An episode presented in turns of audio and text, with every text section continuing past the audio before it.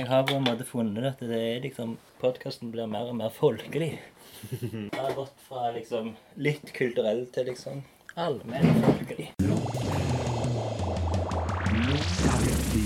Lunken kaffe.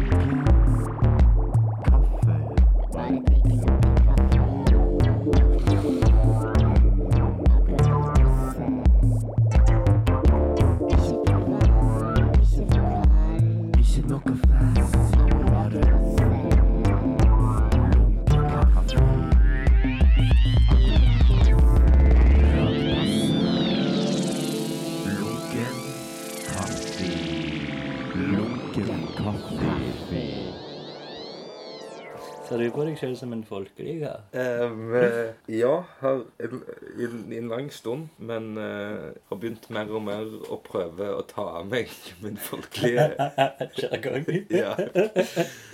Det er ikke kult. Nei.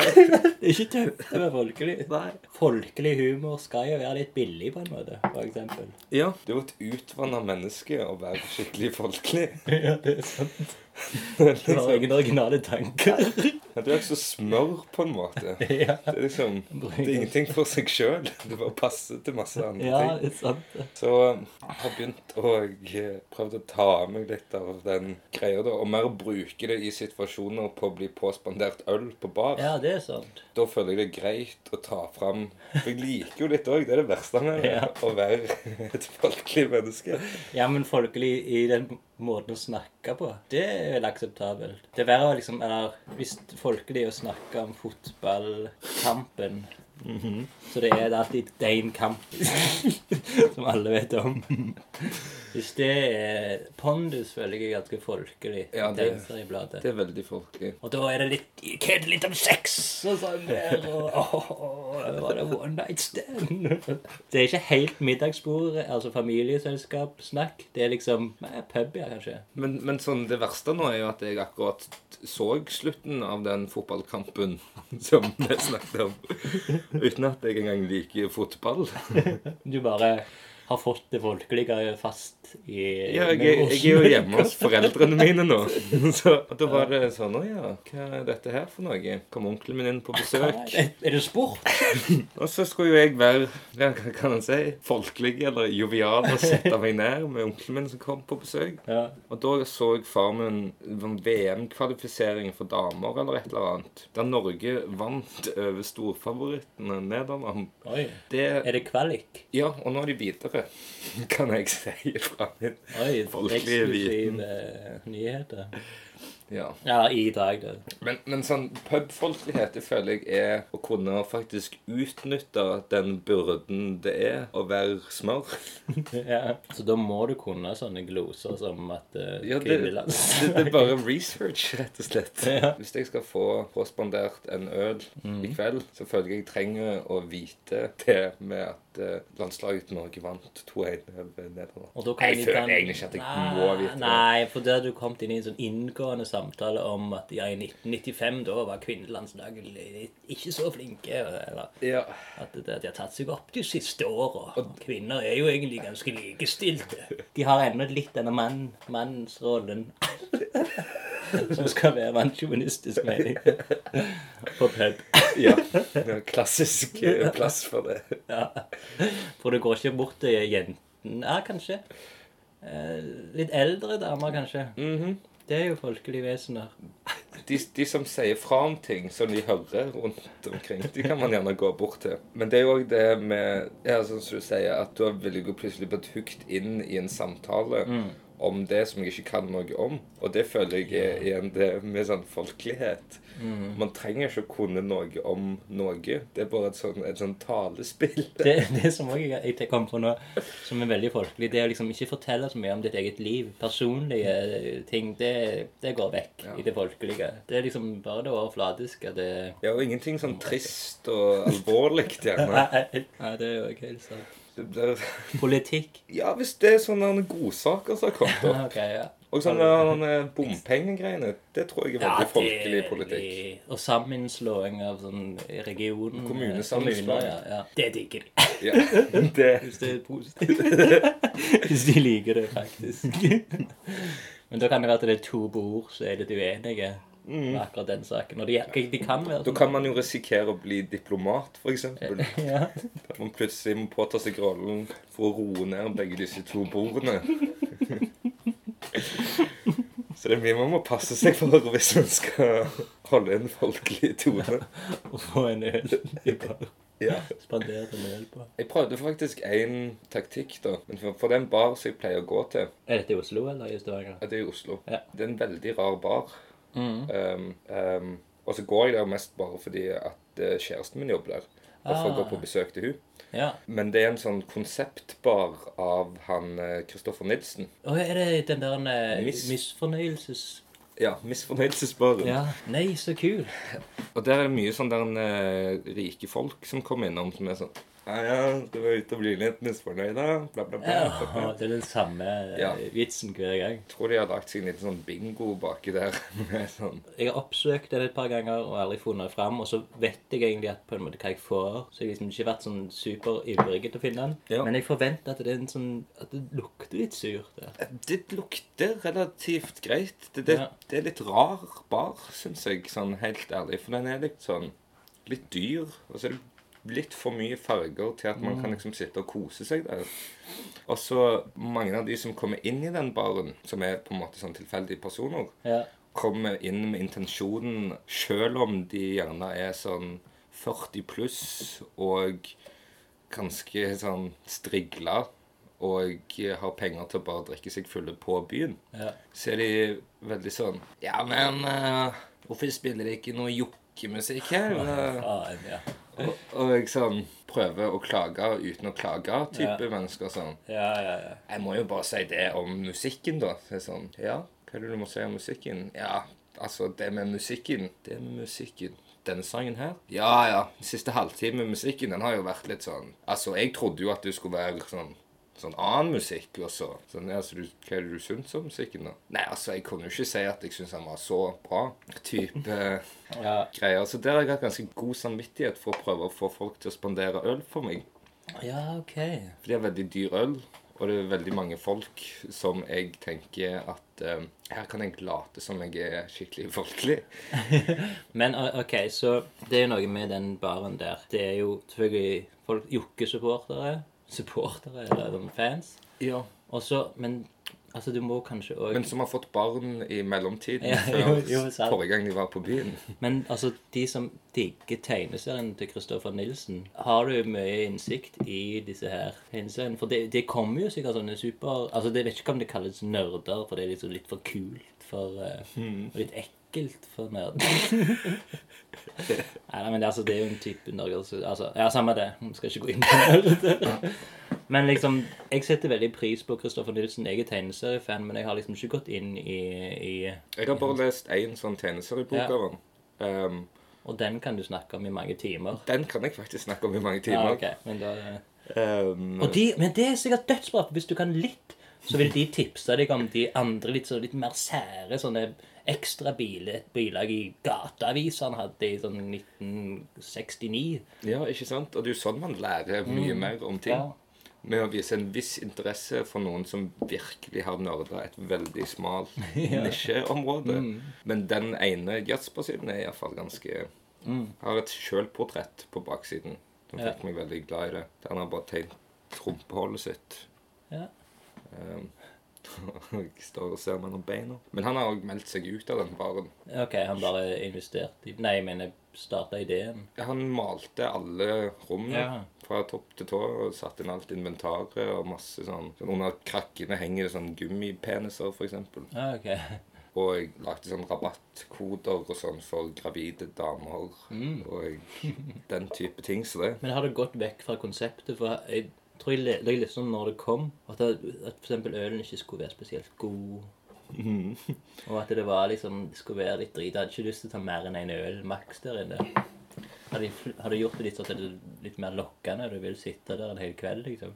Ja, jeg tror det, for eh, Eller jeg tror de prøver på det, iallfall. Ja. De trenger å holde det, businessen i live. Ja. Um, ja, personlig så syns jeg bare det er en veldig rar bar som jeg sånn Jeg har bare akseptert at den er sånn, og så går jeg der ganske sånn i ens ærend Ja, ja. av å treffe Kjæreste. kjæreste. Og det, og det som ofte på grunn av liksom etter de første ti minuttene med snakk der, å være sånn Å, skal jeg virkelig kjøpe den her? Mm. Skal jeg bare gå igjen? Eller skal jeg sitte her?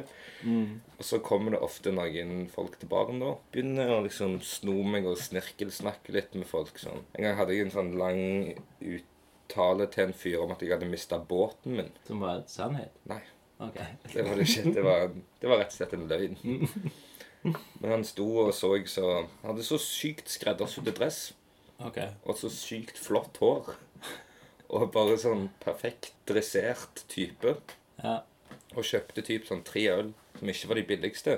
Så jeg tenkte at denne fyren her, og jeg var allerede litt full fra før av, Og han var alene? han venta på noen. Okay. Så tenkte jeg at han kunne jo vente med meg. Ja, ja, Så kunne jeg fortsette å skrøne til han her. Om båten din. For han ble veldig hooked med en gang jeg begynte å snakke. Det var sånn Jeg satt og så litt trist ut mens jeg så på han. Og han var sånn 'Går det bra?' Så Nei, det går faen ikke bra i dag, altså. Oi, hadde du litt sånn grov grov, grumse stemme og liksom fortvila. Okay. Å nei, det var jo dumt, da. Ja, nå skal du faen få høre. Og man sånn, ja. Jeg skal ikke mase det på deg, altså, men fy faen, i dag Og han sto liksom med én fot ute av døren, én fot inne. Og det var litt for seint egentlig i forhold til det jeg har lært om med sånn der eh, å prøve å være sånn Det beste er hvis en person kommer inn og er sånn Ja. 'Skal ha fem øl.' Og liksom roper bort sånn 'Ja, ja, du kjøper ikke en til meg òg.' Ja. jo, visst gjør det. Ja, det holder med én. Og da blir det fort noe. Hvis de er liksom på Ja. der og er Ja. på sånn Ikke hvis de er på vei til å gå, liksom. Nei, Da er det veldig vanskelig. Sånn som han her, så måtte du virkelig utlevere hele, Ja, ja, ja. Hele Den meg. falske livshistorien. Det var nesten Falske triste. det var, det var nesten Det var nesten sannheten. For jeg skulle egentlig låne en båt for å dra. Men så hadde du jo òg mista en bil. Den, eh, den ble bare ødelagt. Ja, ok. Men, jeg, men jeg dro inn den òg. Ja, ja, bra. Ja, det var litt mini-semirealisme inni der. Ja. Det var en sånn eh, såkalt sånn basert på en sånn historie. Ja, bra. Sa du ditt ekte navn? Eller fikk du aldri introdusert det? Jeg tror jeg aldri kom så langt. Jeg er litt usikker. Jeg var som sagt litt bedugga før Ja. dette øyeblikket. Det var et sånn desperat forsøk på å få en øl av Ja. denne mannen som sto i døra. Men òg allikevel ikke så desperat at du kunne være deg sjøl. så du, du Det var jo litt sjølrespekt. Ja. Men uh, vi er jo forresten i lunkekaffe, og med meg i dag har jeg eh, Sander Lille Hei Oi, nå sier jeg det feil igjen. Sander Lille Lilleheia Haga. Ja. Du Bruker du hele navnet ennå? ja. Jeg prøvde å bytte navn faktisk for ikke så lenge siden. Gjorde du det? For jeg, jeg, jeg må innrømme at um, sist gang vi snakket, juli 2017, ja, etter tre måneder cirka, da snakket vi mye om navnet ditt, og du var veldig fornøyd med Lilleid. Det var ditt favoritt av Ja. de tre. OK. Og Haga var litt sånn kjedelig, og så det heter Sandra Haga, så da hadde det liksom vært et veldig sånn John Doe-navn. John Doe. navn. Ja. Um, Så derfor, da du har liksom ja, men det er jo spennende at du sier det, for Ja. i det siste året har det vært motsatt. At jeg har eh, brukt mye hager. Ja, at du liker det bedre. For, for å korte det ned litt, så slipper uh, tunge snøvleri. Sånn Ja. lille lei lille lei det. Eller lille hei hei hate. Ja. Men òg som en sånn faktisk tiltrekning mot den der John Doe-aktige Mm. tingen. Siden det er så mange som heter Haga. ja. Og Sander. At jeg Ja. har følt jeg kunne på en måte være inkognito med å hete Sander Haga. Mm. Så det er det du har prøvd å bytte, til? Nei, det var et nytt navn. Det var et forsøk, da. Fordi jeg så at det eneste som skulle til for å eh, bytte navn, var inne på en internettside. Som heter Altinn. OK, det er det. Det er der man bytter navn. Ja. Og så tar de det til folkeregisteret. Ja. Så, men så kommer reglene inn etter det. Ah, OK. For jeg prøvde å bytte navn til Sand Sjø. Ja. For jeg tenkte det hadde vært et ganske frekt og freidig navn. Ja, ja, ja. Enkelt og fint. Og jordisk. Erotisk. Nei, jeg sa jordisk. Jordisk, ja. Ja, det har noe med jord, det er noe som skjer på planeten Tellus.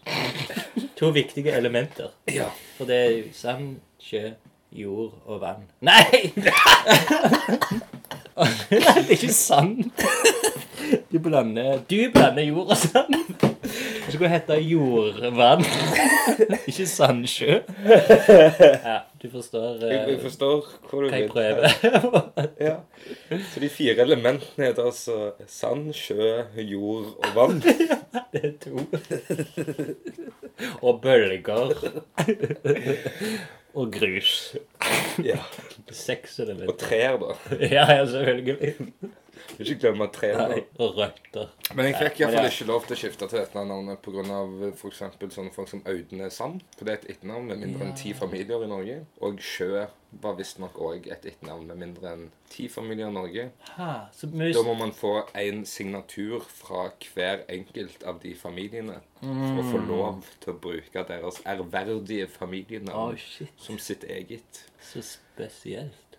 Hvis du bruker sånn litt sånn type sånn eh, til du tar tretall inn i Eller det går ikke an engang, men San... S4ND, Ja, ja, det gjør vi det. 5SØ, for Ja. eksempel. Jeg vet Også, ikke om men så uttaler du det Sandsjø. Det er jo Fordi at det, men det er jo liksom Det er på en måte et cybernavn, men eh, du uttaler det på en måte som et uh, virkeliglivsnavn. Ja. Og vi er jo litt cyborgs. Ja, ja, ja. Alle født etter 90. Ja. Uh, Så du mener du er ut forbi cyborgens Ja, rekkevidde? ja. Selv om du har smarttelefon og internett? jo, men jeg fikk det i en høy alder, så det liksom Så jeg ble liksom oppvokst med sånn eh, telefon som hang i veggen, og, og det var det mest cyber jeg hadde. Ja, OK, så hadde jeg jo Nintendo. Er det litt cyber? Det er mer cyber enn telefon på veggen, syns jeg. Ja, jo, jo, men altså, det begynte, når jeg ble født, så var det bare telefonen på veggen. Som var liksom elektronikk. Nei, jeg ror meg litt i, i rigg, men uh, Så jeg, jeg føler liksom at du må ha liksom blitt født 1990 for liksom For da, da kan du liksom vokse opp. I 95, da Hvis du er fem år, så plutselig så begynner du å oppdage en, eh, internett. og Sånn. Så, mens jeg var sånn tolv når jeg oppdaget internett. Mm. Og da var jeg liksom allerede litt for sein til å lære nye ting. nei, nei, nei. Jeg har et godt poeng her, men jeg vil ikke kalle meg en cyberkid. OK, men eh, da, jeg, jeg kan være med Mm. for det. Jeg Kan kan være en cyborg, og så kan du være et menneske. Jeg er litt mer sånn steinalderkar. Eller kanskje bronsealder. Ja. For du, jeg, Du, du har begynt med redskaper og sånn, men det, det er redskaper, det er ikke en del. ja. Nei, men hvor var vi? Jo, navn og, og, og deg. ja, det er jo eh, et poeng med, med bytting av navn. For det er jo noe jeg har gjort helt bevisst, uten å ha vært oppe i Altinn og sånn, med å liksom kalle meg Espen Birk Mm. istedenfor Espen Birkedal. Og det har jo det er to-tre grunner, tror jeg. Og det ene er Trond Birkedal, kjent for å feste sånne små kameraer Ja, i ja. dykkene på små gutter. det, og det er jo ennå, når jeg googler mitt, mitt navn på bilder det er ennå han som dukker. Han er på topp fem der. Altså, Ja. jeg, jeg har ikke gjort nok i dette livet. Der Trond Birkedal har kommet liksom. Så kanskje hvis jeg etter hvert må begynne å søke opp Espen Birk, da. Mm. Da er det jo ingen Trond. Så det er for å separere deg fra det. Ja, fra Skandale-Trond. Ja. Så jeg kaller han. Frp-er òg var han. Fra Tangotrond. Du kjenner han fra tango. Du, er, du kjenner han godt. Du er venn. Nær venn. Jeg vil ikke ta på meg det, egentlig. Jeg tenkte egentlig på Tangatron, men så blanda jeg det med tango nå. Så når du sa det, så begynte jeg plutselig Og rett før jeg begynte å fantasere en ny historie fram om at jeg og Trond Birkedal var gode tangokompiser og hadde dansa mange ganger sammen. Men det har faktisk ikke skjedd. Nei. Jeg skal holde Men- det rent på markedet. Ja, men det er liksom Altså, det er ingenting vondt mot Trond Birkedal, personen. Det er mer mediemannen Trond Birkedal som jeg ikke liker. Og Google-mannen. Men det er vel litt mot mannen òg, da, som har liksom, Jo, han er, var jo litt ekkel. Han, han er jo ikke akkurat en Han er ikke en kjernekar. Nei. Men ja, hvis vi skal gå inn på han da, som person Så sist jeg så han, var under valgdagen her i Stavanger når vi skal ha sånn kommunevalg, hva de vil si. Jeg vet ikke hva det kalles. Kommunevalg? Nei, ikke kommune, men liksom velge hvilken eh, En bydelsutvalg, valg Jeg skal i hvert fall velge et slags politisk parti da, som skulle være bra for, for byen Stavanger. Men da var det på um, Nylund. Ja, jeg tror det er Nylund. Ja. Nei, det, men iallfall skal inn og velge, og der er det han har en av ansvarene for disse, disse valgboothene. Jaha! Så han er liksom som passer på at folk viser vei og sånn. Det er jo ganske mystisk at han får mer ansvar for sånne små lukka rom der folk liksom får være private. Siste personen vil gi et ansvar for det. det. ja, men det er litt lenge siden tror jeg denne saken var i media, så folk glemmer vel på Nylund skole. Men iallfall den andre grunnen til jeg, jeg korta ned Espen Birk, var for at Birk, jeg alltid syntes Birk der var et veldig kjedelig navn. Veldig sånn streiting. Og Espen òg alltid syntes var veldig streiting navn. Aha.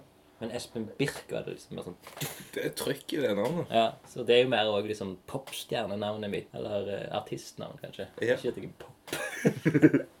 Populær. Mest populære navn jeg kan gi meg sjøl. Sa du ikke at det var tre grunner? Den tredje grunnen Det er en sånn skjult grunn som bare kommer med en sånn slip of your tongue ut. Som egentlig er en sånn Jeg ville kanskje det høres bedre ut med tre enn to. Det er sikkert en tre som kommer på i slutten av sendingen. Det blir en sånn cliffhanger. Ja. Jeg savner deg, jeg trenger deg, onkel Gjensyn. Vi går inn på det halvfaste innslaget Lunken gjensyn for eh, gjen, gjenopptredener. Da lurer jo jeg og mine faste lyttere på hva som har skjedd siden sist. Du var veldig usikker på at du skulle begynne på skole sist gang vi Ja. snakkes. Det var en stor stort spørsmål. der. Ja, for du hadde vært og hadde gjort masse sånne performancer som vi snakket om, og her i byen. Og så kom plutselig Etter vårt snakk så kom, slapp du bomba at du skulle flytte til Oslo, tror jeg. Ja. Så da flytta jeg jo rett og slett til Oslo. Eller hvis jeg skal gå kjapt gjennom hele greia der, da.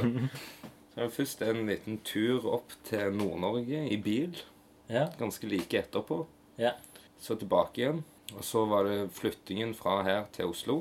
Og begynne på prosjektskolen. Mm. Som du hadde gått og gnagd litt på om du skulle begynne på eller ei. Gnagd mye fram og tilbake. Ja. Eh, men eh, endte opp med å si ja og begynne der. Det oppfylte mye av tankene av hva det var det skulle være på forhånd. All tvilen kom. All tvilen kom til rette. ja, men det var, det var et kjekt år. Så flytta jeg først inn på beste vestkanten på Oslo. I, På Vi, eller i. I, tror Ja. jeg de sier der. Ja. I Vika, på en loftsleilighet. Bokstavelig talt. Og det var òg på loftet til en loftsleilighet. Dobbelloft. Dobbel loftsleilighet, Mm. rett og slett. Bare at jeg hadde ikke noe rom, da. Så jeg var basically i stua til noen en stund. Okay. Så var der en stund. Begynte å få en glede for sprettballer mye av å flytte Ja, til Oslo. det husker jeg. Mm. Og eh, ganske deilig eh, deilig baller å hive rundt på. Og eh, bodde der helt fram til jul. Vet ikke om jeg ble kasta ut eller ei. Huseieren ble iallfall veldig overraska over at jeg bodde der. jeg betalte bare til de andre som bodde Ja. der. Og um, så har jeg vært relativt husløs siden. Har fått låne litt sånn rom her og der. Og studioer til folk. Ja. Så har det bare vært litt sånn nomadisk eh, tilstedeværelse siden da. Mhm. Og eh, ble ferdig på prosjektskolen til begynnelsen av sommeren nå. Ja. Med et sånn eh, krabbeprosjekt. Som da begynte på en- når Vi begynte på til på en måte den uh, avgangsutstillingen vår. Ja. Som uh, handla om å finne krabber før sesongen starta. Ah. Disse krabbene har jo blitt, blitt meg mer og mer kjær. Mm. Og da gikk på en måte hele prosjektet ut på å finne disse krabbene. Og jeg eh, fant ingen krabber utenom Fant to krabber, typ. Ja. Nei, jeg fant jo flere, men ikke Men de altså de store Ingen. Jeg fant én stor, Ja, det er ikke det. kan du si. Og en liten krabbe som jeg kjente meg veldig igjen i da, Ja. i dette prosjektet. Som var, var en død krabbe. Så det bare var skallet igjen. Den var helt tom. Spist. spist opp og knust. Og jeg eh, begynte å ha en liten fotoshoot med denne krabben på et tidspunkt. Oi. Som ble til noen sånne bilder som lå oppi sånne sjømatsesker. Oi, kul. Så det ble et sånn supereklektisk prosjekt. Som Men krabben holdt hele tida tematikken var ennå der. Ja. Eller hvis krabbe var bare tematikken. Det ble på en måte Krabben ble mer et sånn bilde på der krabben bodde, som var liksom havet. Ja. Og så var det på en måte som at alt bare ble en sånn romantisering av denne søken etter krabben. Mm. Den her lysten til Ja. virkelig finne krabben igjen. ja. Og- For det er jo et veldig sånn barnslig fenomen òg. Mm. Mm. Er det der det kommer Hva er uh, origin storyen til krabbegleden, da? Det er jo fra jeg har vært liten, leita veldig mye etter Ja. krabber. Sånn sjøkrabber som bare ligger under steiner Mm. og sånn. Det er en vanvittig kjekk følelse, der plutselig Ja, der er han! Mm. Og så fanger han uten Ja, å ja. bli kløpet i fingeren. Passe på han oppi en bøtte til du har funnet nok krabber til å så slippe de ut igjen. Ja. Ikke mate dem. Kanskje med noen sånn kobberunger. Ja. Ja. Blåskjell spiser ikke de det? Det, jeg har aldri mata krabber med blåskjell. Er det litt sånn eh, feil? Det høres jo ganske passende ut. Det høres ut som sånn herremåltid for de krabbene. Ja. Men de har vel liksom de klørne til å åpne opp til blåskjell? Ja, de små òg. Jeg kan ikke se for meg sånne små Nei, sånn de liker kobberunger. Jeg tror de likte de bedre. Og jeg hadde òg, når jeg var fyrvokter ute på Tungnes fyr, Ja, takk. så hadde jeg eh, som en del av jobben da så hang det, tid dette var før du bare la deg forbi? gå? Da må man liksom stoppe litt. Hvem- Det er jo en fantastisk jobb. Det er jo drømmejobben til visse folk, vil jeg tro. Ja, virkelig. Mm. Dog, den hadde jo blitt veldig utvanna, denne her eh, fyrvokterstillingen opp gjennom årene. Det var mer dratt over til ansvar som en sånn semi-vaktmester slash vaffelmaker og eh, kafévert og guide Ja. fyret. For de fleste båter har liksom lykter og sånn. Alle fyr i Norge har vært eh, Her kom guiden fram. Ja. Alle Norges fyrtårn har da blitt automatisert. Det, det siste ble vel automatisert sånn på slutten av 80-tallet. ja, okay, ja. Kanskje begynnelsen av 90-tallet. Men de, har de en bra funksjon? Fyrtårnet? Jo, selvfølgelig. Det Ja, de har jo robåter, ja. Men uh, det er ikke lenger noe menneskegreier til Ja. fyrtårnet Ja, ja, ja. i kongeriket Norge lenger. ja. Så det var mer sånn være guide og kafévert Mm. og sånn som det. Og da var en av de oppgavene mine nå var òg til å gå ned til Sjøbruksmuseet, som hang fast i en del av denne Randabergs kultursatsing. Der de hadde et pentagonakvarium som var sånn åpen topp, Mm. og eh, fem femkanta greier. Femkanta form. Femkanta form, og oppi der så var det mye sånne krabber, da. Så en av oppgavene mine var å hver tredje dag knuse opp en eh, dobbel håndfull med kobbunger for å hive oppi til de krabbene. så koselig. Så da var det liksom sånn Ja, har du gjort det før? Og sånn Om jeg har knust opp krabber, det kan du tro. Så det begynte vel der, da. Ja. Da kanskje der òg sånn den folkelige skrøninga begynte. Hvor gammel var du da? Det var vel fra 16 til 18, Oi. tror jeg. Eller 17 til 19. Ja. Noe sånt. To sesonger.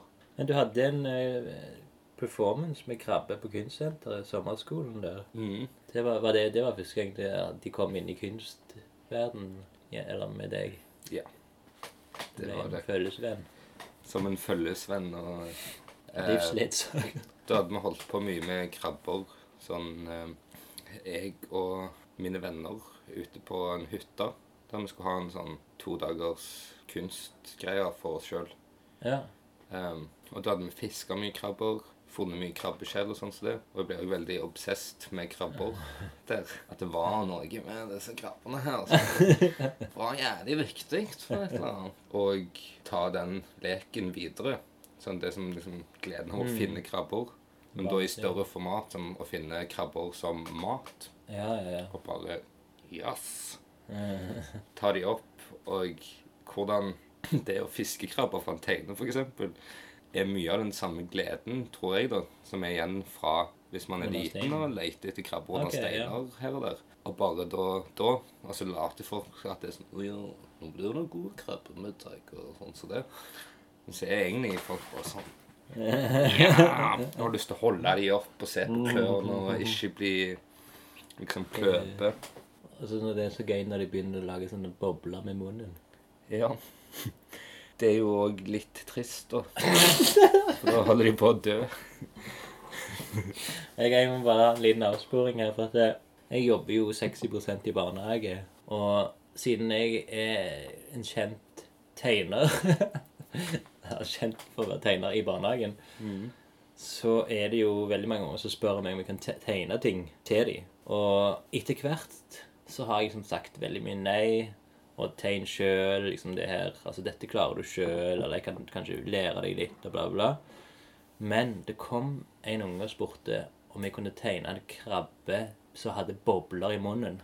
OK. Og da var det Da ble lyste jeg opp, for det her er At han liksom Det er ønsket hans. Han har sett en krabbe med boblemunn og blitt fascinert, og det her vil han ja, at jeg skal tegne. Så da gjorde jeg det. Og så sa han etterpå om du kan tegne en reke som det kommer bobler ut av munnen. og så gjorde jeg det. Og så ville han ha en hval med bobler ut av munnen. og en hai. Og jeg, liksom, jeg sa ja til alt. Liksom, for det her var så kjekt. Men jeg tror jo da at sånn sjødyr er på vei til å dø når de begynner å fråtse med bobler ut av Jeg tror det det koser seg litt. Sitter liksom og gomler. Ja, altså OK, da. For, fra den Ja, Jeg er ganske sikker på at det, så du har var rett. det, så var det én krabbe igjen som var oppi der. Ja. Og den stakkars krabben hadde fått stått oppi dette akvariet gjennom hele helga Mm. uten at vannpumpa var kobla til. Oi. Med et sånn sauehår oppi der, så vannet hadde bare blitt skitnere og skitnere. Og det hadde dødd fire fisker oppi der. Jeg kom tilbake igjen da, og hadde glemt litt ut at ikke alt levende var ute av denne tingen, og tenkte at vannpumpa skulle stå på, og Ja. glemte at det var plassert oppi et denne sauehode oppi der, Ja. til å råtne vekk vannet. Så står da denne krabben her, og jeg har aldri sett en så lidelsesfull krabbe. Han sto liksom med hendene sånn som dette, og bare var lent bak. Klørne. Klørne, ja. Klørne. Ikke bland det med mennesker. ja. Men den hadde altså da klørne slengt Han var bak på ryggen. skallet sitt, Ja, ja på og hadde åpna opp magen, sånn at man kunne se de gjelleaktige formasjonene som kom fra den. Ja. Og der, rundt liksom gapet til krabben, Ja. så var alle de skivene som krabber har, som lukter opp og helt slappe. Og den, den hadde så mye skum. Den, hadde, den, hadde, liksom, den var full av bobler som kom ut fra kjeften der. Som bare liksom rant ut overalt. Og det var akkurat som man prøvde å få boblene til å forme seg opp til vannoverflaten for å få oksygen inn i vannet. Ah. Så jeg tror det er en, sånn, en lidelsestegn. Ja, så da har jeg vist den, det barnet mye Dette barnet her vil rett og slett Han søker død. Død eller sjødyr. Det var egentlig vi lagde en serie av. Men det kan jo være at sånn hval og reker og, og hai Ja. eh, De koser seg. Det tror jeg er gomlekos. Sånn som så gamle når de har sånn kamferdropp. Når vi er inne på den performancen du hadde på Kunstsenteret, har du lyst til å forklare den i korte trekk? Det var en del krabber som døde under det. Jeg kan se hun måtte jo ofre fire krabber som ble til et måltid. For det er vel kanskje litt kontroversielt, i, hvis, hvis du er sånn krabbevenn. Jeg føler er så god krabbevenn at Mm. um, den spiser jo alt den kommer over. Ja, han hadde spist Han hadde spist meg, hadde Ja. han hatt sjansen, tenker jeg. Ja, for det var handla om overlevelse. Hvordan ikke komme spist så seg lenge. gjennom en performance. Ja, ja, ja, det var jo det. ja. Alt for kunst. Tenkte på det i forhold til den, den nyere krabbeperformancen. Mm. I den perioden så gikk jeg òg og spilte mye til noen kirkeklokker med en trombone. Som, Jaså. som ble en sånn klagesang. Ah, og da var jeg òg inne i en veldig fin kirke som jeg ikke hadde vært inne i gjennom nesten hele året. Jeg hadde bodd i Oslo Mm. før da jeg begynte å spille ut forbi. Jeg skulle spørre klokkeren om når han spilte og sånn. Så det. så gøy. Er klokkeren litt som den nye fyrtårnvokteren? Det tror jeg. Ja. Han klokkeren var han, hadde, han var så kul klokker. Ja. Han hadde Hawaii-skjorte, sånn uh, gulløredobber. Oi, oi, oi. Ja, mye bling. Livsnyter. Mhm. Og du så han på en måte likte godt når de klokkene rang. Oi. Ja, liksom, Nå sto han der og var sånn mm, gynga til Ja, så bra. klokkene som kom. Og smykke. Og, ja, veldig kul type. Og når jeg var der inne, så var det bare den mest absurde gudstjenesten jeg har vært i. Ja. For jeg tror det var en sånn Jeg har vært i mange. Vært i et par. Ja. Jeg er jo konfirmert og alt. Ja. ja men I kirka. Står respekt i det. Og um, Jeg er jo ikke konfirmert bare for det. For å få inn den eh, Ikke at jeg respekterer deg for du har gjort noe som ikke jeg har gjort. Men ja. jeg har meldt meg ut av kirka nå, da. ja. I Det står nok respekt av. Det har ikke jeg gjort. Det er et stort skritt å ta. Det, det er vel en, eh, en prosess. Ja, det, det kan gjøres på internett nå. Alltid. Nei, det, det er faktisk en egen app for det. Kirkeutmelding. Oh, shit. På grunn av hvor vanskelig det var å melde seg ut av eh, kirka. Så var det noen som tok grep, for man måtte sende brev Ja, ja, og få svar fra sin egen Shit, lokale altså. menighet. Ja, ja, ja. Og så måtte man gå i dialog med hvorfor man ville melde seg ut av kirken. Det var ikke noe bare å ha et ønske om det. Mm. Um, Nei, der ser du. Følger ikke med. Men ja, videre med klokkeringeren. ja, så var denne gudstjenesten sånn Gudstjenesten, mener jeg. Jeg satt helt bak oss i kirka. Det var en veldig stor kirke. Trefoldighetskirka i Oslo. Trefoldighet? Mm. De tre vise menn. Treenigheten, mener jeg. Ja, jeg tror det er typ sånn Helligånd, eh, Ja. Gud og Jesus. Gud og Jesus-samlingen. De som kun tror på de tre i Bibelen. ja. Mest hellige. Mest hellige av det hellige fra Bibelen. Men da, om det er en gigantisk kirke med sånn kupler og sånn som det er der. Mm. Og ser helt fabelaktig ut i innsiden. Sånn skikkelig sånn snirklete og wow, og sånn grandios. Ja. Og jeg satt meg inn, sånn, bare sånn rett inn forbi døra. Og det var så langt fram til liksom, den opphøyde plassen der eh, hun presten sto og prekte ifra. Mm. Og Det satt bare sånn to rader med stoler som så ut som være sånn, en ungdomsskoleklasse eller noe, som satt helt der framme. Okay. Og da hørtes det sånn ut, for det ble så mumlete fra der bak som jeg satt, at det hørtes ut som presten ikke visste hva hun skulle si.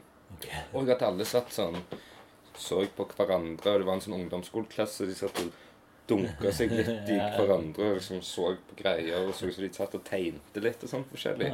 Og det ble så rart å se dette her.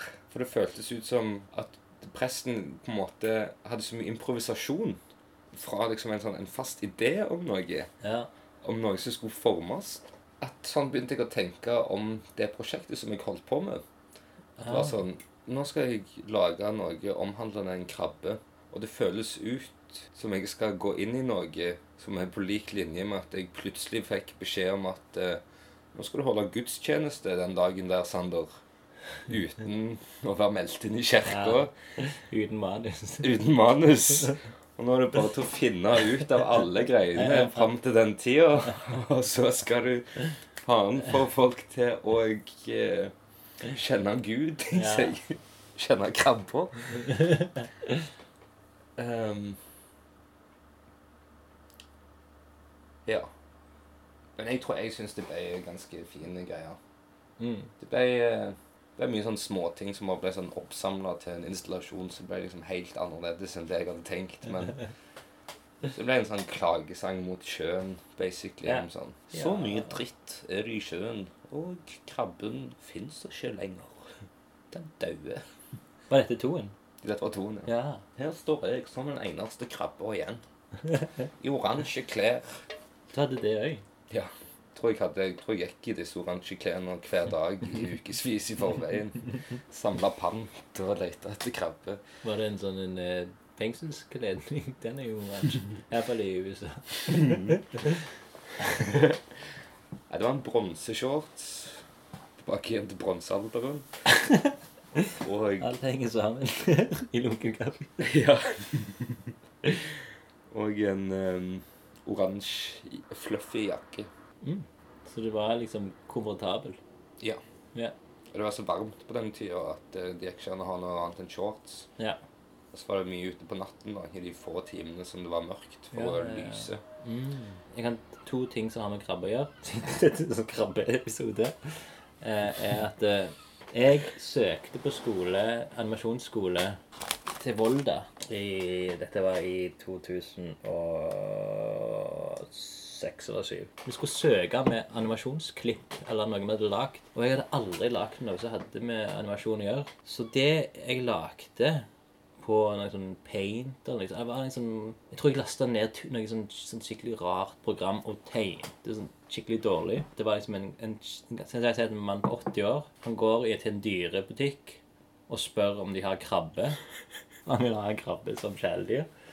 Og så har de ikke det.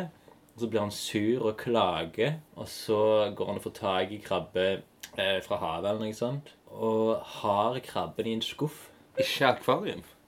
Ja, ikke skuff. og det var kun for at det, jeg, syns, jeg syns det var det løgneste noensinne å liksom gå til en dyrepar, nei, dyrebutikk og spørre etter tra- krabbe, for du tror at det er liksom et kjæledyr. Du kan du- Eh, jeg klarte jo ikke å lage den ferdig, så jeg søkte aldri på skolen. Men eh, Men som en krabbeentusiast så syns jeg det er veldig fornøyelig Fornøyelig historie, da. Den andre tingen er bare at en, en ting jeg har ledd av i en film nå, Kanskje det jeg har ledd av mest, som egentlig jeg tror veldig få syns er så løye. Ja, det er litt løye, da. Det er en film som heter em, De grønne slaktere. Danske film. Og en av karakterene i denne filmen er, er litt sånn kan, Jeg vet ikke om det er lov å si tilbakestående, men kanskje i den sammenhengen så Altså, jeg tror ikke du, du får vite hva hans mentale problemer er, liksom, men du ser at det er noe feil med han. Han liker veldig godt dyr, da. Og dyreleger. Og så er det en eller annen scene der han liksom En av de kvinnelige hovedfigurene møter han mens han sitter og leker med disse dyrene. Og liksom, hun prøver å ha en alvorlig samtale mens han leker med disse små figurene. Og han sitter liksom med en liten sånn legesau, en plastikksau. Så sier han Krabbe, krabbe, krabbe. Krabbe, krabbe, krabbe. Og dette her Det var det løgneste jeg hadde sett i mitt liv.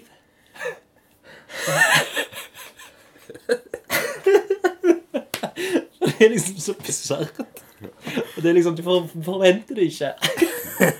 Ja, så det er mine to krabbehistorier. Men er det lagt opp som en veldig løgn scene i den filmen?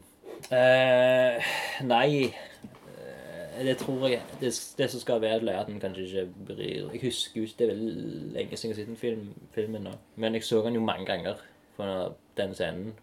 Og et par andre scener. Men det gikk jo igjen da at han En av hans mentale forstyrrelser var at han ikke så forskjell helt på dyr, eller husket ikke helt hva som var hva. Men veldig opptatt av dem. Ja, sånn så at han står plutselig med en sjiraff og sier at det, dette er min lille hund, sant, eller Ja. og, Jeg har også hatt en sånn fra eh, en, sånn, en, en scene fra en film med der scenen omhandler et psykisk utviklingshemma menneske pluss et dyr. da. Det er det rette å si. Ja, det tror jeg er mer eh, Ja, ja det kan si Jeg må bare fyre inn dette. Han, I en scene så sier han sånn Slår seg på hodet er hjerneskadet!' Så det er vel for han Rett å si. Men ja, Ja. tilbake til din Og kanskje det er begrepet du skulle brukt Av den sammenhengen. Men dette var fra en, norsk film som heter Uno. Ja, ja, ja. Den kjenner jeg godt til. Og da var Jeg så denne her med en venn av meg. Og jeg syns egentlig ikke denne scenen her Jeg syns denne scenen var ganske trist. Mm. For det, den ene karakteren her, da, som hadde Downs syndrom, som var veldig glad i en eh, rottweiler. Ja. Og eh, så er det en av disse bandittene i denne filmen som har lagt igjen et skytevåpen. Det er en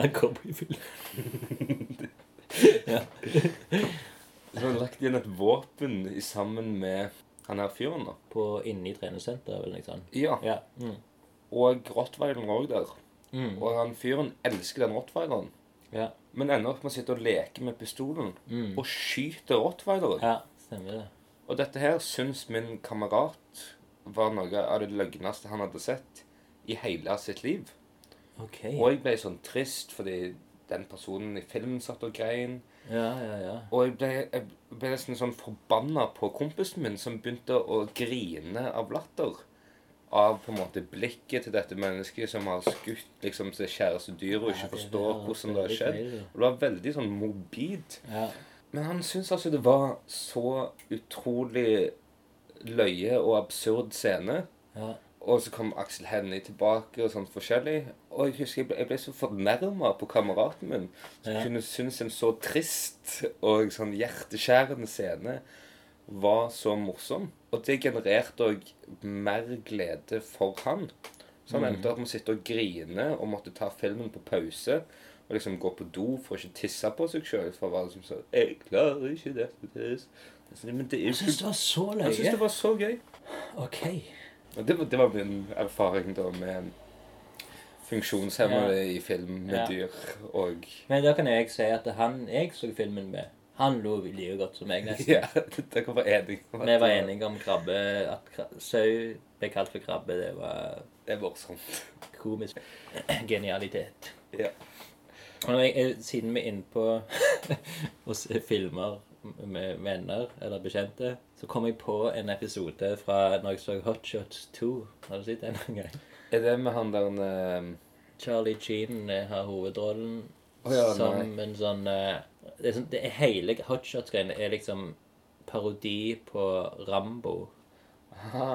Og det er liksom Har du sett Nakne pistoler, for eksempel, eller eh, den der eh, Hjelp, vi er flyr? Ja, hjelp, vi flyr, har jeg sett. Ja, sånn veldig sånn crazy humor, så er liksom hver er sånn setning en vits. drinking problem, og så er det sånn Ja, ja, ja. helle drikken sin på kroppen. Det var jo også med, med igjen, så er det sånn Noen som tilbyr noen sig en sigarett, så er det sånn Cigarette? Yes, I know. Liksom alt er deadpan der, da. Ja. Og det, men ja, samme det. Det er iallfall sånn overdreven humor, og jeg, vet ikke, jeg tror nesten det har gått ut på dato. Jeg lurer på, lurer på om det er sånn Screw, eller er det ikke Scream, men de der Scary Movie, Another Teen Movie har vel litt sånn At det er liksom parodier Mhm. på Jeg tror Naked var parodier på, på eh, politisfilmer. Fly Jeg husker ikke Airplane er vel på sånn eh, katastrofefilmer, kanskje. Jeg vet ikke. Mhm. Og i hvert fall, det var mer sånn actionfilmer. Dette var parodi på det. Den der Hot Shots 2. altså enen òg, da. Og det var liksom den crazy humoren hele tida. Vi lo. Vi var Jeg tror vi var ti år. Vent litt. Tolv. Jeg vil tippe tolv. Ja. For det som skjer, kjenner du, er at det er en scene der hovedkarakteren da har liksom fått tak i, i ho, eller hun eh, kjæresten, eh, love interesten, og de har en sånn vill sex, men det er liksom med dyna. Du får ikke se noe. Du ser liksom han Eller hun hopper oppe og skyter eller noe sånt med cowboyhatt. Liksom, det er liksom Sånn perfekt han humor. eh, eh, cowboyen fra Looney Tunes. ja, Bartesand. Ja. ja, litt sånn Bartesand-aktig. Og det som skjedde da, var at kompisen min hadde fått telt i, i joggebuksa. Og så så jeg liksom dette Og det var veldig tydelig. Ja, sånn, han la liksom ikke helt skjul på det. Og så så han på meg med litt sånn triste øyne og sier Ja, det skjer sånn av og til med meg. Jeg synes det var noe skikkelig galt med Så det er jo ikke en reaksjon du kan få. Han heter Jonny. Heter, heter ennå sikkert det. men- Han han har skifta navn.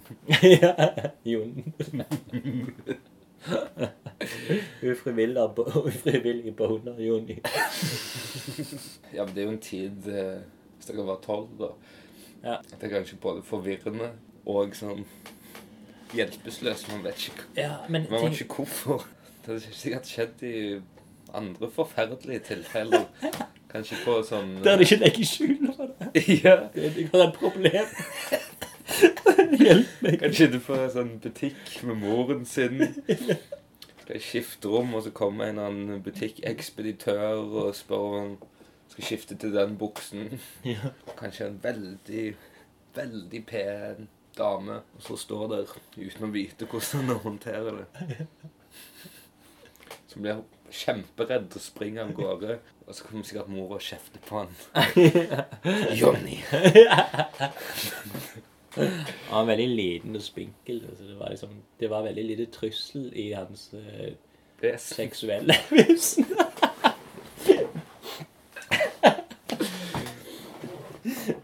Så det, det var dette som hadde skjedd siden uh, sist. ja. Da var vi ferdig med segmentet uh, Lunken kaffe.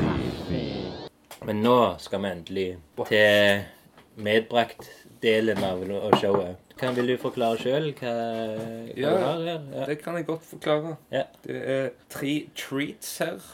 ja. Eh, eller, den ene er vel en Godter. Den ene er en munnharpe som ble funnet i eh, husstanden. Den må du nesten forklare for folket. Ja, det er en eh, Jeg tror det er en munnharpe i det. Formen er litt som, som en eh, brokkoli eller noe sånt. Ja. Eller som et uh, karikatert uh, tre, kanskje. Ja, Har men bare konturen. Ja, to, som en skygge. Og uh, den er flott. Den Og du fant den nå i, på din Stavanger-visitt. Ja, Mm. fordi jeg hadde akkurat, som den uh, rockestjerna som jeg er, mm. spilt i sønder min andre munnharpe. Å ja. Var den helt lik utseendemessig? Den var litt mindre, og ikke okay. så god lyd. Ja. Jeg har kommet i snakk med munnharpekjendisen i Norge, Bjørgulf Straume. Som er munnharpemaker, og som kanskje noen lyttere kjenner, kjent fra NRK. Norge Rundt? Ja. Em, om å lage en håndsmidd harpe til meg. Oi! Um, fordi min andre harpe ble ødelagt, og jeg så det som et tegn fra munnharpeguddommene at eh, nå var det på tide å investere i et skikkelig bra, tålelig materiale. Ja. Denne her er også en litt dypere harpe, da, med god lyd. Ja. Vi trenger ikke å snakke så mye om den. Nei, men det er fint, det er fint, for det er både visuelt og eh, Audio. audiofilt. Ja. Så den kan jo spille Jeg har jo sett mye på en sånn russisk dame på YouTube i det siste. Som, Med navn. For, for lytterne må du nesten si Hvis du skal søke opp den russiske damen så må du søke på Olena. Og hun eh, reklamerer for seg sjøl som eh, Siberian Neo-sjaman. Mm. Der hun har flere konserter. Der hun både blander sånn eh, trance-trommer med okay. munnharpespill og dyrelyder som hun synger mens hun spiller. Og det er veldig spennende. Ja. Og, eh, og hennes karakter er så stålfast at du ser at hun, hun gjør alt dette her totalt, liksom. Det er sånn hun skal Ja. gjøre ting. Og det er veldig kult å se. Og veldig flink til å spille munnharpe. Men du har spilt munnharpe lenge. Det er noe du har satt pris på lenge, eller du har eh, Ikke så lenge. Siden du har hatt en før som du har mistet, og vil få en ny Ja. av makeren. De, eh, mest vært det siste året, så denne munnharpe-trudleringen har eh, bitt seg ordentlig merke i meg, da. Ja, det er for munnharper, det er folkelig. Det er jo det Det er jo folkeromantisk. ja, det, det, det. Lage stev og historier til munnharper. Og Det er et par toner det. det én tone. Ah, masse overtoner. Ok, Da kan vi ta sangen eh, Den ene sangen jeg har lagd på munnharpe. ja vel, jaså. Som er en del av et eventyr som jeg har lagd. Ja. Der det da kommer en snegle krypende ut av et egg.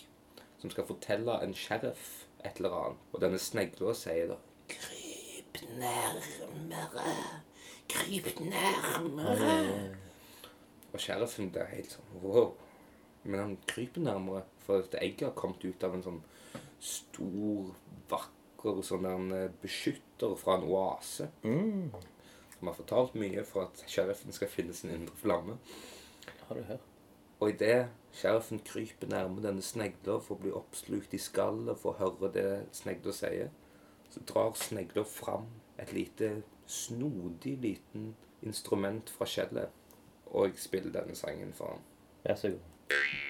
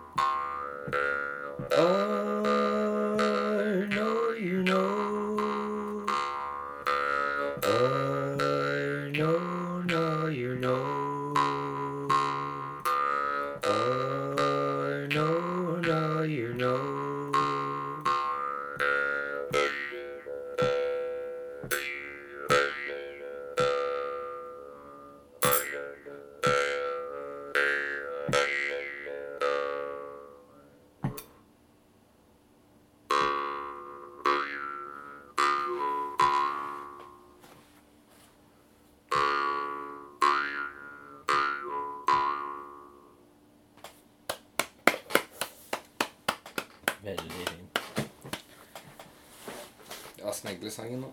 Han sa 'I know your name'. I know. Now you know. You know. Ah, ah, ok, ja. Jeg trodde 'I know know your name'. Men ja, veldig fint innslag. Jo, takk. Mm. Og disse her som var mer tenkt mot retning av noe Førsnakk. Den ene er iallfall litt førsnakk-relatert. Ja. Denne her. Mm. Og Det er jo da Snøfte Smith, eh, julehefte fra 2015. 'Ingen jul uten', står det på forsiden. Og Det er jo da tegna av eh, John Rose. Ja, det er jo, vi må jo si at jeg vet ikke hvordan vi kom inn på dette temaet på førsnakket, som var noen dager siden. Men jeg tror det var en blanding av at Jeg tror jeg blander Bartesam fra Lunisums med Snøfte Smith. Og Ja. så ble vi litt usikre på hva er egentlig dealen med han der Snøfte Smith. For du hadde fått det her julealbumet av søstera di i, i julen 2015. Ja. Og det er jo totalt absurd humor. Ok. Som, Ja, for det jeg husker, altså, det som jeg, husker, jeg tror jeg husker jeg sa til deg, det at det var mye at han ble mye slått med en kost av konen sin. Av at han drikker eller noe sånt. ja. Han Snøfte Smith er jo en eh, kornspritmaker. ja, ok. Og eh, dette her er en rute, da, Ja, som jeg føler er veldig beskrivende da er det visuell kommunikasjon. for Snøfte Smith. Jeg vil nesten nok se litt. Ah, ok. Ja, la, la oss gå gjennom denne. Og Den var veldig, veldig fin. Og det er kanskje veldig forklarende for Snøfte Smith. Ja, for han, det, det som Snøfte Smith er, han er helt Altså, det er Fred Laswell. Han tror jeg er veldig glad i å gjøre narr av sånne sørstats... Eh, em, Stereotyper. stereotyper. For her er det en muskedynder han har, og masse av disse her hjemmespriten sin.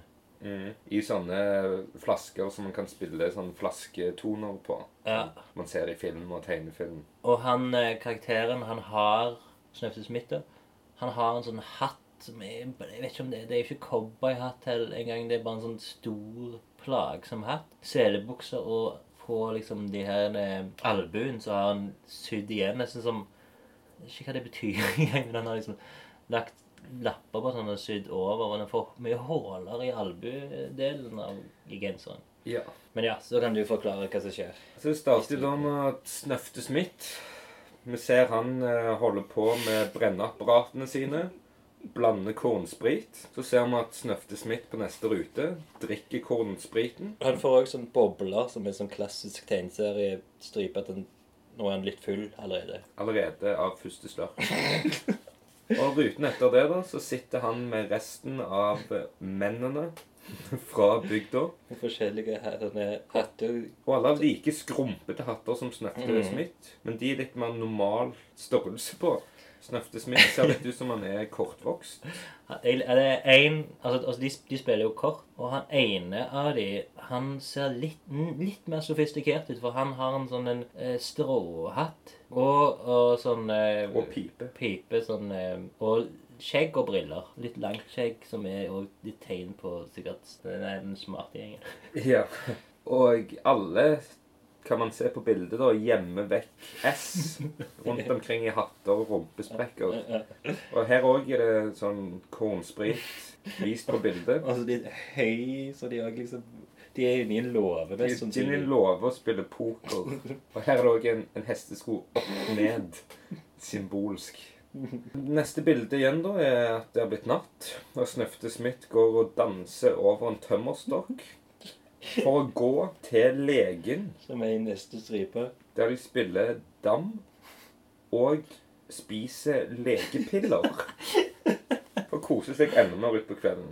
Han legen han ser litt ut som han taper det spillet. Og med Snøste Smith han har nest, I hvert bilde til nå har han igjenlukte øyne med en sånn overlegenhet. I Ja. blikket på dem, eller i den, den gjenlukkende blikket. På neste bilde her igjen, da, så har han vidåpne øyne etter han har vært og knaska piller hos legen. Og runde dam. Og han går da for å, stje, for å stjele høns. Som han gjør. Som han gjør når det står 'blam'! Og han har fortsatt vidåpne øyne. Og det er jo litt interessant med akkurat denne denne stripa der han fanger høns, den ene eh, høna. Det er at lyden fra hønsen blir blam.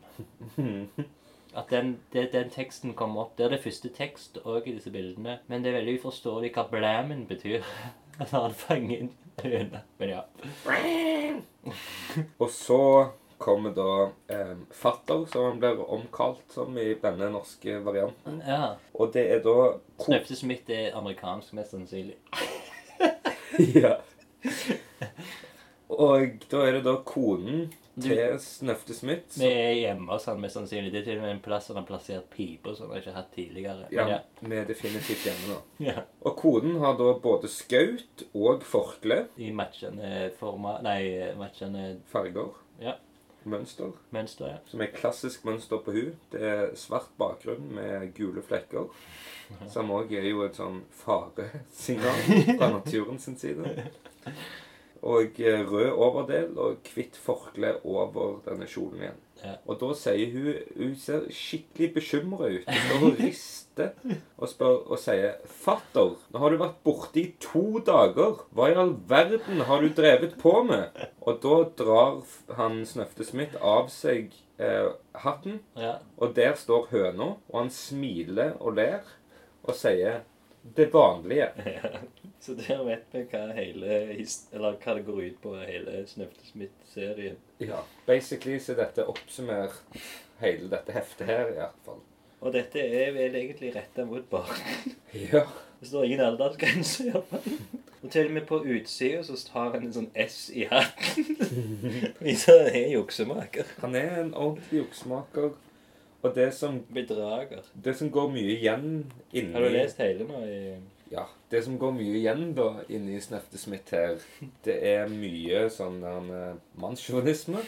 Um, også at hele bygda er opptatt av penger. Det er noen sånn Kapitalisme. Ja, om kapitalismen. Det er noen sånne scener her som omhandler poker. Der Ja. Snøfte Smith kommer veldig sånn fortvila hjem til kona si og er sånn er som alle gjemmer seg for meg. Jeg har, eh, får ikke spilt poker noen plass. Og da sier kona sånn Ja, men det er jo sikkert ingen som er interessert i de par slantene du har i lomma. Da sier han jeg har hele 50 kroner i lomma. Og da kommer hele bygda fram fra alle vinduer. Ja, la oss spille poker. Én krone her, én krone der. Så 50 kroner, det var Haugavis. penger for Smøsaus. Det er kanskje 50 dollars forhold Ja, for dette er jo 2015, og det var det vel innen andre tider. Ja. Dette var sånn han feirte julen 2015. Og i en annen pokerscene her, så står han og er sånn Milde himmel, nå skulle jeg ønske at mutter kom hjem snart. Og da sier nevøen hans Er det du som snakker, onkel Snøfte? Eller er det magen din? Og han avfeier han. Ja. Han står bekymra som bare fy. Og så sier han til kona når han kommer hjem Endelig! Hvor har du vært de siste par timene, da? Men fatter da, hvorfor er du så sur? Det kommer til å bli høyt spill på låven til Lukas, og jeg er raka fant. Så er han fortviler, fortvila og klapper ned den rynkete pannen. vi samme båt, sukkerungen sier jo så søtt til han. Det er romantisk. Så sier hun Jeg har nettopp brukt opp den siste slanten av smør og eggpengene mine. Da er han sånn På hva da? Da peker hun inn i kjeften og sier Jeg har spandert på meg en ny fantastisk gulltann. Oi! Står det med G på fan fantastisk for å vise at du holder munnen oppe. ja, ja. ja. Og da er neste og siste rute her at Snøfte kjører kona si inn i en tretredjebår mens hun sitter og rister og helt fortvila inn på låven til pokerlaget og ser kjempefornøyd ut og sier 'Kort til meg også, gutter'. Ingen jul uten Snefte mitt og hans grusomme machoisme. Ja, se her Men hvor kommer egentlig denne mannssjåvinistiske, fremmedfiendtlige og selvparodiske kulturen fra? Og du, det står noe her. Yes. Billy DeBeck, født fra 1890 til 1942, som trakk figuren Snuffy Smith inn i sin suksessrike tegneserie Barney Google. Han heter Snuffy, ja. Han trakk denne inn i sin suksessrike tegneserie Barney Google i, i 1919, og ble på 1930-tallet mer og mer opptatt av folkelivet i Appalachia, fjellkjeden som strekker seg fra sørstatene og nordover, Ja, nordover i den østlige regionen av USA. Og var særlig opptatt av fjellstrøkene i Nord-Carolina, av boligforhold, landets miljøer og karakterer han møtte der. Men i forhold til det så kan jeg også kanskje prøve å forklare den, den siste her. Som Oi, cliffhangeren. er bokstavelig talt cliffhangeren. Er- Ja, det syns jeg vi må. Og det er altså da siste eh, Sist. Snøfte Smith. Eh, Noensinne. det ender på en cliffhanger. det er altså nevøen til Snøfte Smith som kommer springende inn i huset til tante Alma. Nevøen har en sånn minklue Oh, David Crocket-hatt? Ja, sånn, sånn bever... Uh, Ja. Kjenner du til David, David Crockett? Nei. Okay. Ja, men det, han hadde iallfall sånn beverhatt. Ok. Han har beverhatt og skriker 'Tante Alma, kom et reip og en tier, og det er fort'. En tier. Og en tier, ja. Tikroning. En tikroning. Mm. Og tante Alma står og tar oppvasken. Åh, dårlig timing. Og hun ser litt bekymra på han og sier 'Men hva skal du med det?' Så smiler nevøen her Mm. og sier 'Reipet er til onkel Snøfte og tieren til meg for å ha redda livet hans'. Og neste scene her så ser du at nevøen springer sånn at han flagrer gjennom luften med repet ved skulderen og fram med armen og skriker 'Hold deg fast, onkel Snøfte, nå kommer jeg'. Og så snubler han i en stein. Nei. Tunga ut, stjerner flyr overalt. Beverhatten faller av.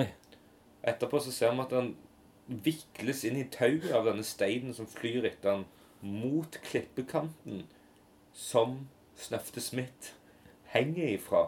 Fra en tynn grein. Jeg liker veldig godt vi ikke får vite hvorfor han henger i den tynne greinen. Hvordan havna i denne kinky situasjonen. Det er bare sånn som skjer med Snøfte Smith. ja, klassisk snusmitt. Og vi, ser han falle det, det er brukt tre ruter på å vise hvordan han nevøen her faller mer og mer inn i tauet. Mm. Og det er så vi ser siste rute, der nevøen har blitt bundet fast i tauet rett før klippekanten. Mens Ja. Snøfte Smith da henger i denne greinen og roper 'Skynd deg hit med det fordømte reipet', Tertitt. Som er navnet på nevøen. Det, det er på en måte punchline. Eller ikke, men det er liksom det er liksom twisten, da. At han har et sånt navn som Tertit. Der får vi endelig vite hva han dumme nevøen heter. Ja. Cliffhanger. Cliffhanger, ja. Hva skjer med Snøfte, da? Til slutt? Nei, Du fikk du aldri øh, i 2016. Da Kanskje fikk du- 2016 der å få vite hva som eh, Det er sikkert sånn som um, Har noen vært borti eh, eh, serien Alf? Romvesenet Alf? Jeg har en liten bamse av han inni hjørnet der. jeg har, jeg har sett denne figuren her, men eh, Ja. ikke fått med meg tegneserien. Ja, eller det var, det var jo en sånn Han var jo en dokke, og så bodde han i en sånn familie, sånn, så det var liksom sånn Muppet-aktig greie. Jeg vet, jeg husker ikke så mye, men det var sånn 80-tallsserie. Det var sånn, på en måte en sånn sitcom, da. Der han var en alien som bodde med en familie som holdt han litt vekke fra disse her FBI eller CIA eller uh, government people. Ja. Altså, han har et catchphrase som heter 'no problem'. Han sa alltid «Øh, 'no problem'. Han hadde litt sånn kule, sånn eh, New York-aktige stemme. Øy, lignende. Og han spiste katter. Det, var, det gjorde de på den planeten han kom fra. Det, det var liksom, Oi, maten var liksom kattene. Men eh, tingen med Alf da var serien Alf Altså, jeg har ikke sett den i nyere tid, men jeg husker det veldig godt. Jeg likte det. Jeg fikk den bamsen som du så nå, fikk jeg av mammaen min når jeg var liksom veldig liten. Altså, jeg var sikkert i de første ti åra en, en plass mellom null og ti. Og det er liksom den bamsen jeg har likt mest. Og liksom Alf-bamsen har betydd mye for meg. Men jeg gikk aldri tilbake igjen og så serien. Men så fikk jeg høre at Alf-serien har den beste cliffhangeren i historien. Fordi Si at han gikk til sånn sesong fem. Dette er litt, litt tipping og gjetting. Ja. For dette har jeg bare hørt av jeg tror jeg Gjetord. Det er gjetord. Ja. Jeg husker tingen at det var, det var en familie, og det var veldig mye sånn morsom. Han skulle være morsom, og det var liksom eh, At hele tiden kattene måtte stikke, og de måtte gjemme katter for han. Og, og det var, en, det var sånn type sånn familieproblemer. Det var kanskje litt moral i slutten. Sånn klassisk sitcom. Det var laugh track Eller ikke laugh, ja, laugh track, eller live-filmene live audience-greier. Og, og så var det jo det der med at de skulle gjemme han fra government eller FBI eller hva det var.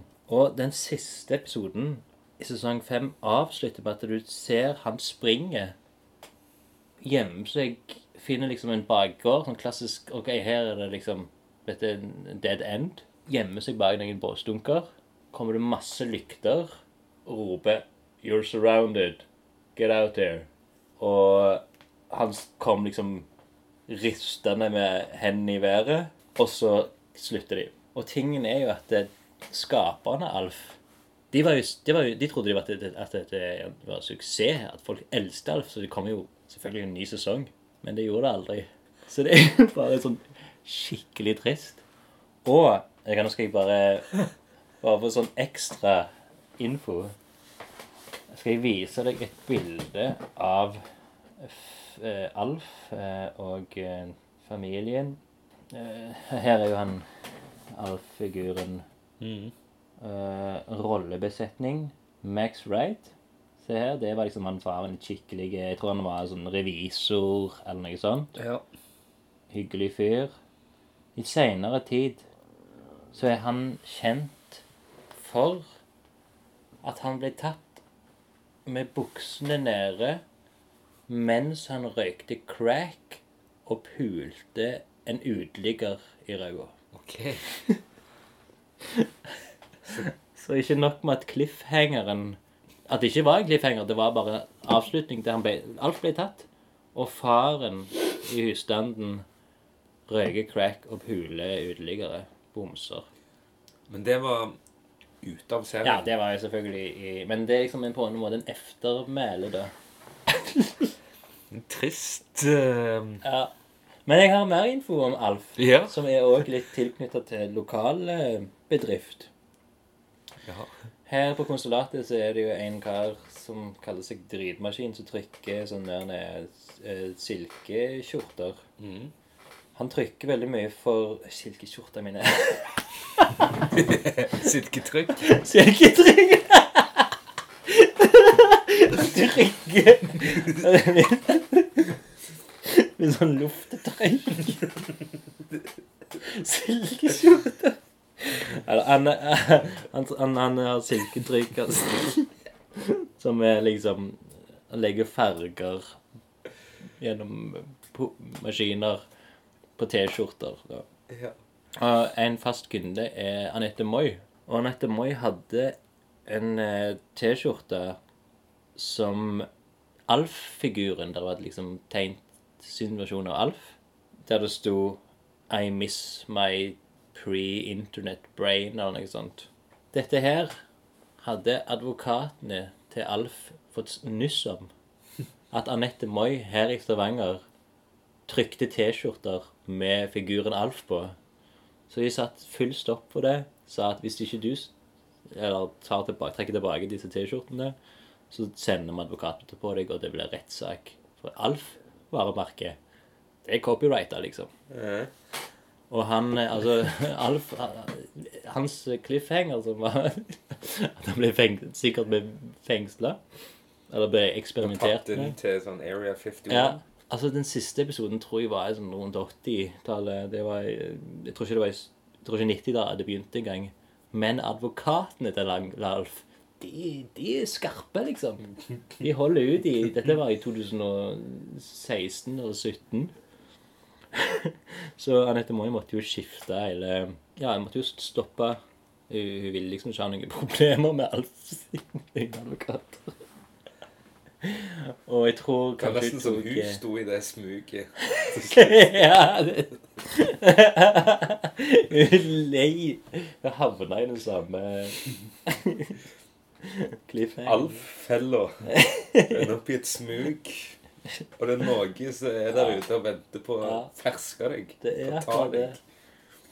Det er det de prøvde å si med den For, avslutningen. forbannelsen Alf. Ja. Så det var den historien. Ja, ja, det er jo spennende. Jeg begynte å tenke på som om ALF står for noe utenom noe sånn Å oh, ja. Alien life form. Ja. Men at kanskje det òg var noe sånn All lies fall. Å oh, Ja, det, ja, ja, ja. Det er jo selvfølgelig eh, noe i den duren, ja. Som er alle disse folkene som enten ender opp på crack og har sex med uteligger i rumpen, eller blir tatt av gårde til sånn ufo-forskning, eller blir liksom hunta ned av sånn knivskarpe advokater. ja. Jeg, jeg måtte google litt Alf igjen her.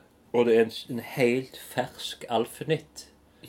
Som kanskje kan bli et nytt segment i Lunken kaffe. Fordi 1. august 2018 kom eh, nyheten om Alf skal få en reboot til TV. Warner. Warner Brothers skal gjøre en reboot av Alf. Hva som skjer etter han blir tatt av FBI? Eh, nå skal jeg se. Early stages of developing a reboot of the classic i hermetegn. Sitcom Alf. No writers yet attached, bla bla bla, which will explore the misadventures, som er et fint uttrykk, of the titular cat-eating Alf, which stands for alien life form, yeah. Alf of the planet Melmac crash lands in the suburb and takes up residence in the middle-class Tanner family.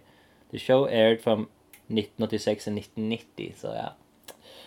For four seasons and over 100 episodes. The series has remained part of the pop culture landscape long after it ended, as frequently referred in other shows. One idea that is reportedly been discussed for the reboot will invo- involve Alf emerging from Area 51, som du allerede har nevnt, Mary has been held captive since the original series fin- fin- finale. Aha, det er jo Da tror jeg det kommer til å bli en sånn enda mørkere versjon. Ja. Kanskje de tar med han faren sin crack-avhengighet og sånn òg inn i serien. Ja, men se her Observing how much the world has changed since that time. Så han kommer sikkert til å nevne Han kommer jo til å være den der spes, den spitsy karakteren Spitsy? Ikke Som- noe. Sånn sier det. Sassy, Det som- sassy. Det som har skjedd No rundt problem. Ja. Så der, der, der hører dere, folkens.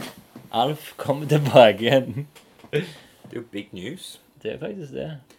Det tror jeg vi trenger en lunken skål på. Ja. Jeg ser du, eller Vi har jo glemt det der med lunken, at når den er lunken, skal du drikke den, men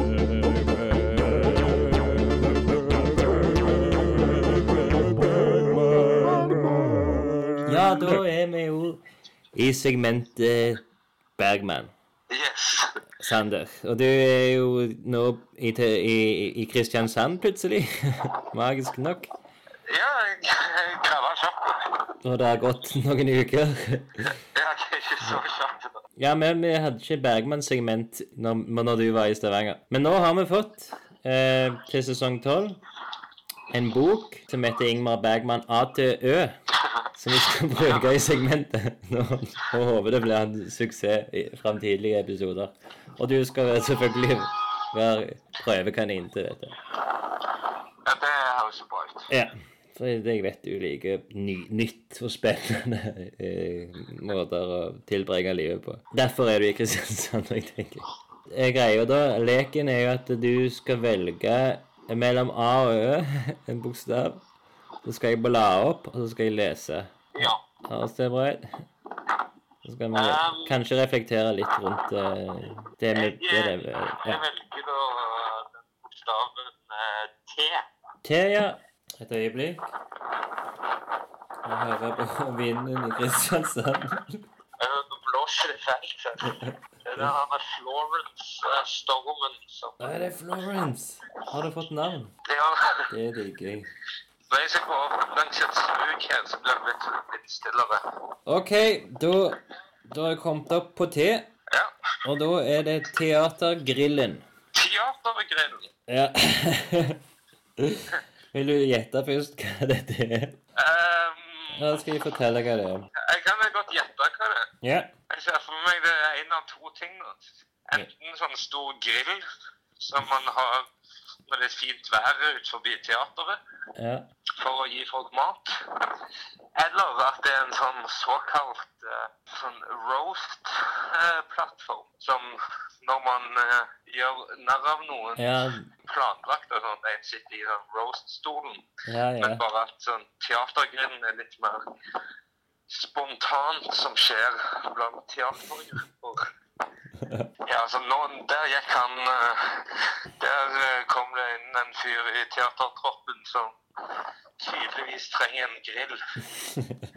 Det er ganske rett begge deler. Men egentlig så er det en eh, le legendarisk restaurant i Stockholms sentral. Jeg- jeg- Dette står på engelsk, så jeg skal bare lese det.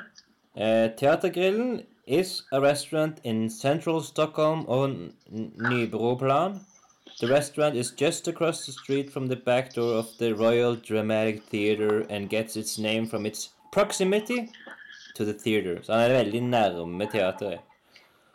Og Bergman han hadde had his own customary table there. Altså den spesiallagde bord. Som er lokalisert eh, behind a large mirrored post. So that he could see everybody without being seen.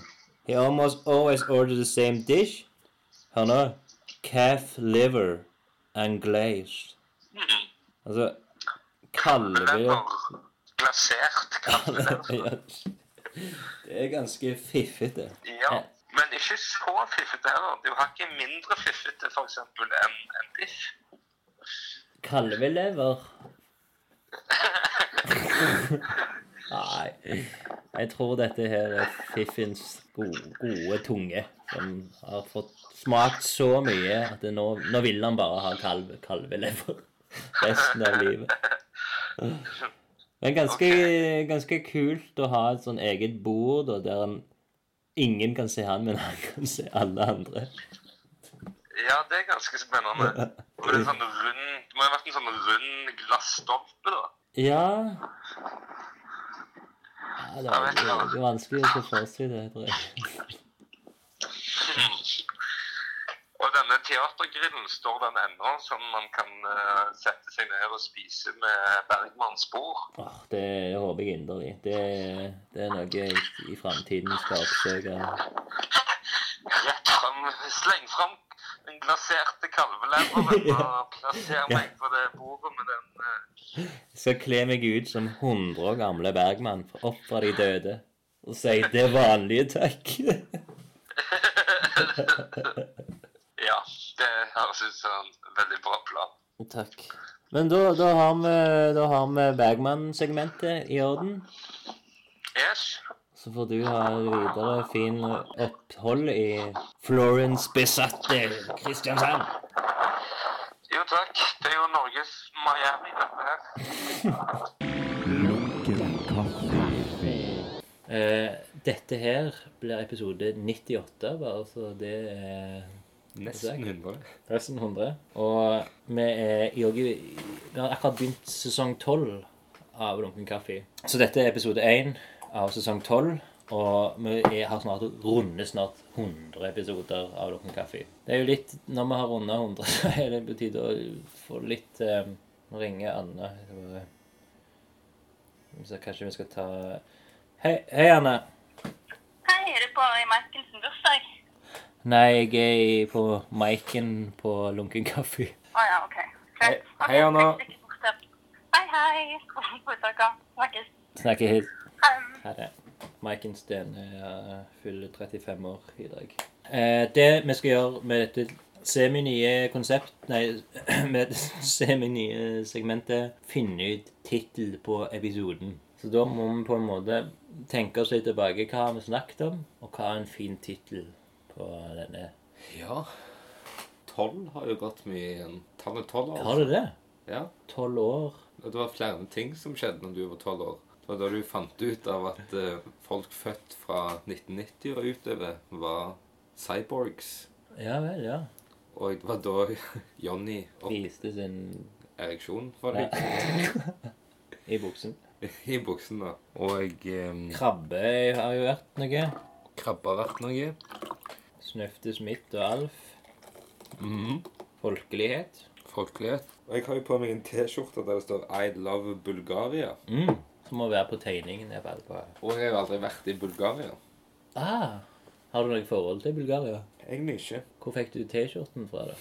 Jo, det kan jeg fortelle deg. Ja. Men jeg tenkte bare i forhold til akkurat det vi sa nå. Mm. At kanskje tittelen kunne vært siden jeg òg kommer tilbake igjen her til Hillevåg, Ja. til min hjemby. Ja. Kunne vært I love Bulgaria, men med en strek over. Og så står det Hillevåg under. Nei, men denne T-skjorten her, den kom fra min søte sommerromanse. Når jeg var 16 år gammel. Året før jeg skulle starte på eh, videregående opplæring.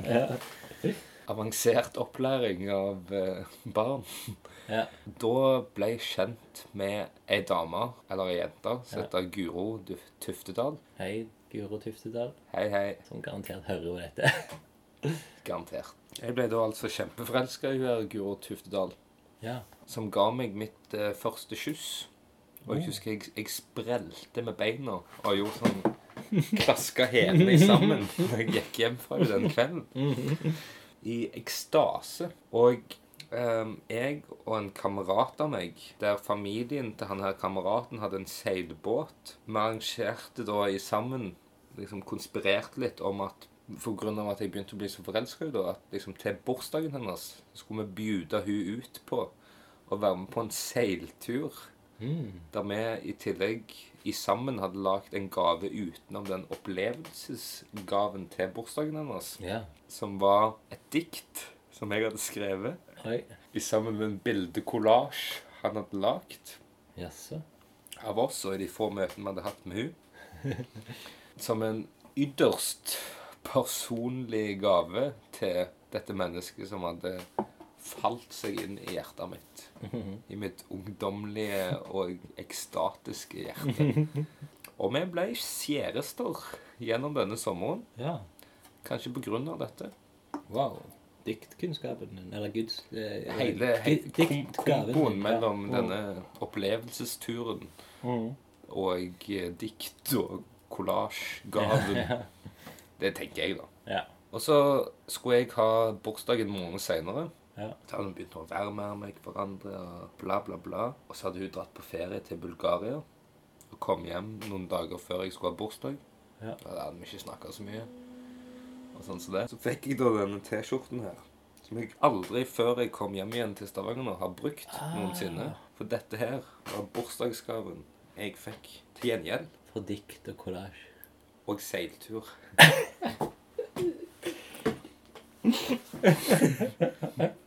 I to dager. Hva, hva var reaksjonen din da, når du fikk denne I love Bulgaria? Jeg var jo ganske skuffa, da. Ja. Viste du det jeg tror jeg sa takk med en, en, bitter kanskje en bitter mine, men jeg tror jeg brukte mye tid på å holde det inni meg pga. denne her groende forelskelsen som bodde i meg. Ja. Og eh, som var litt surt, var at det tok ikke lang tid etter dette her, for hun fant ut av at eh, vi ikke kunne være kjærester lenger. På grunn av at hun tror det var at hun rett og slett ikke hadde tid til meg. Mm. Av at hun skulle begynne på skole, hun òg. Ja. Og hun hadde ambisjoner om greatness. Jeg husker ja. ja, Akkurat da jeg skulle jeg i hvert fall bli lege og all slags greier. Og, og jeg var ikke så spennende. For du hadde ikke ambisjoner? Hadde verken ambisjoner eller noe særlig lyst til å drikke øl. Dritkjedelig. Ja. Skrev bare sånn Dikt. Dikt. Ville lage opplevelser sånn fra hjertet til andre mennesker. Det var litt for pasjonert eh, type. Ja. Siden jeg fikk den her, tror jeg ikke du snakka noe særlig med meg på sånn to uker. Ja. Så skulle vi prøve å gå på en fest sammen. da jeg hadde liksom bitt i meg at prøver å fikse noe å drikke her og sånn. Hvis du absolutt vil. Men Det endte opp når det nærma seg den tiden at du sa vi bare kunne drite i. Og eh, når jeg tenkte skam, så trodde du faktisk ikke at det var noen vits at vi var kjærester lenger. Vi hadde masse å gjøre på. Ja, ja. Og jeg, det var ikke så kjekt å være med meg. Så det er det. I love Bulgaria. Syns den har blitt litt uh, fin. Akkurat begynt å akseptere den inn i livet mitt. Ja, han, han var trygt veldig langt bak i klesskapet ditt. Ja, jeg har ikke kasta den ennå. Nei, du sparte på han Og på aldri minnet. brukt Det romantiske eh, minnet ditt. Ja. Så i dag var første gangen. Ja, Det var for et par dager siden. Ja. Når jeg ikke fant Hadde bare med meg én T-skjorte tilbake inn her. Og den begynte å lukte så ekkelt at jeg måtte finne en, finne en annen T-skjorte. Og eh, da så jeg den her, så tenkte jeg at det kanskje er på tide å oppleve hvordan det kjennes å gå gjennom disse tingene. Fordi For uansett hvordan det var, så er jo faktisk det å tenke og kjenne på kjærlighet for meg noe av det største jeg kan oppleve. Veldig Så fint. Du kom iallfall tilbake igjen til den der første kysset ditt. Som var for alle en veldig stor ting. mm, nok til å klinke hælene i sammen. Og det heter episoden. Å klinke hælene i sammen, eller mitt første kyss. Hele Å klinke hælene i sammen var med. Sander. Og Espen. Ja, OK, men da sier vi det. Ja. Etter denne snakket så klinker vi hælene sammen. Og rir ut av Hillevågs konsulat. ja. I måneskinn. Høsten har begynt. Og soppsesongen er i gang. Kaffe.